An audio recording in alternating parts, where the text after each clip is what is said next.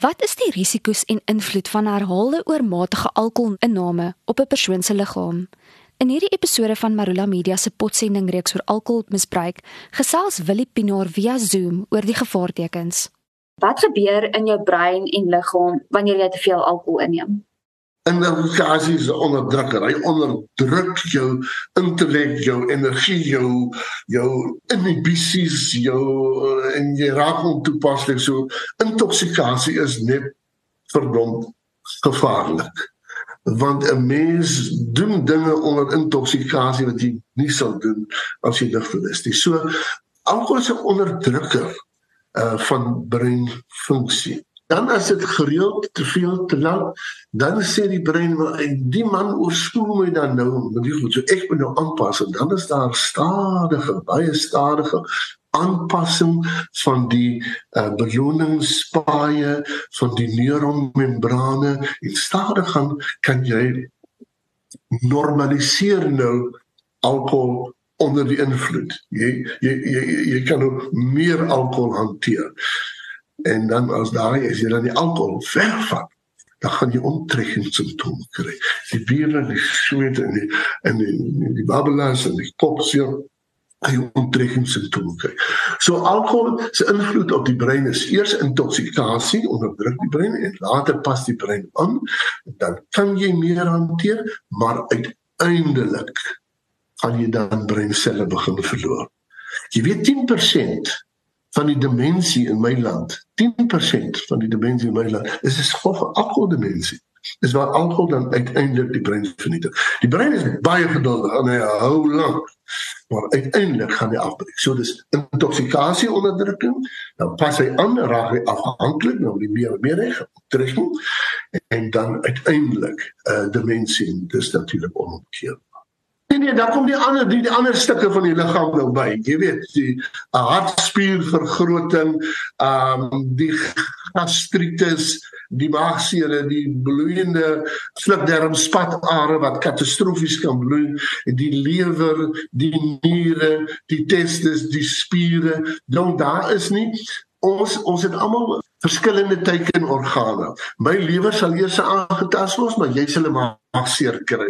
Uh daai man sal hartspiervergroting kry, daai man sal spierswakheid kry. Uh die ander ou sal jeug kry. Hy hy kan nie die proteïene verwerk nie, gaan hy jeug kry. So ons het almal verskillende teikenorgane, maar uiteindelik uh doen die die alkohol skade aan die meeste strukture in ons liggaam.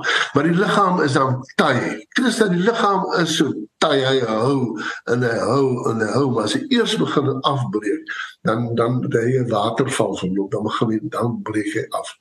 En die mense sê altyd man, ons gaan vanaand kuier so ek moet 'n klomp vitamiene drink.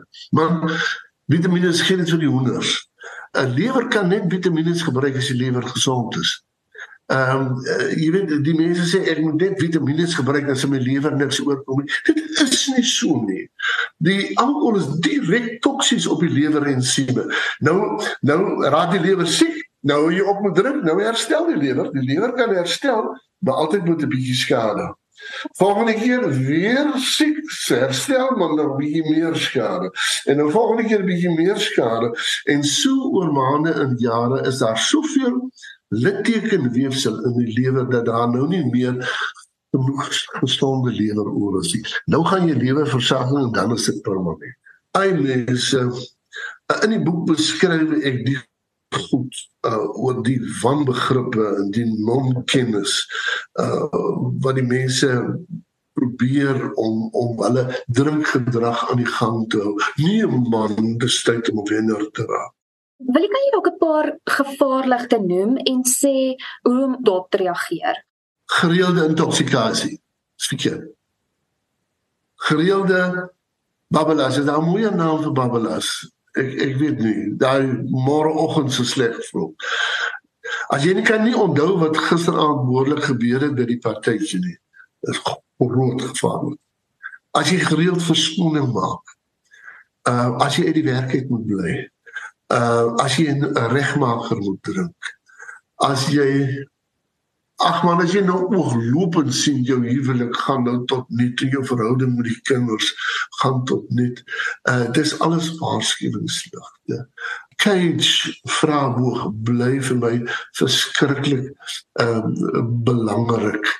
Daar is soveel mense wat verskoning maak en weer verskoning maak en dan kom jou geliefdes en jou geliefdes vergewe en vergeet, vergewe en vergeet, vergewe en vergeet.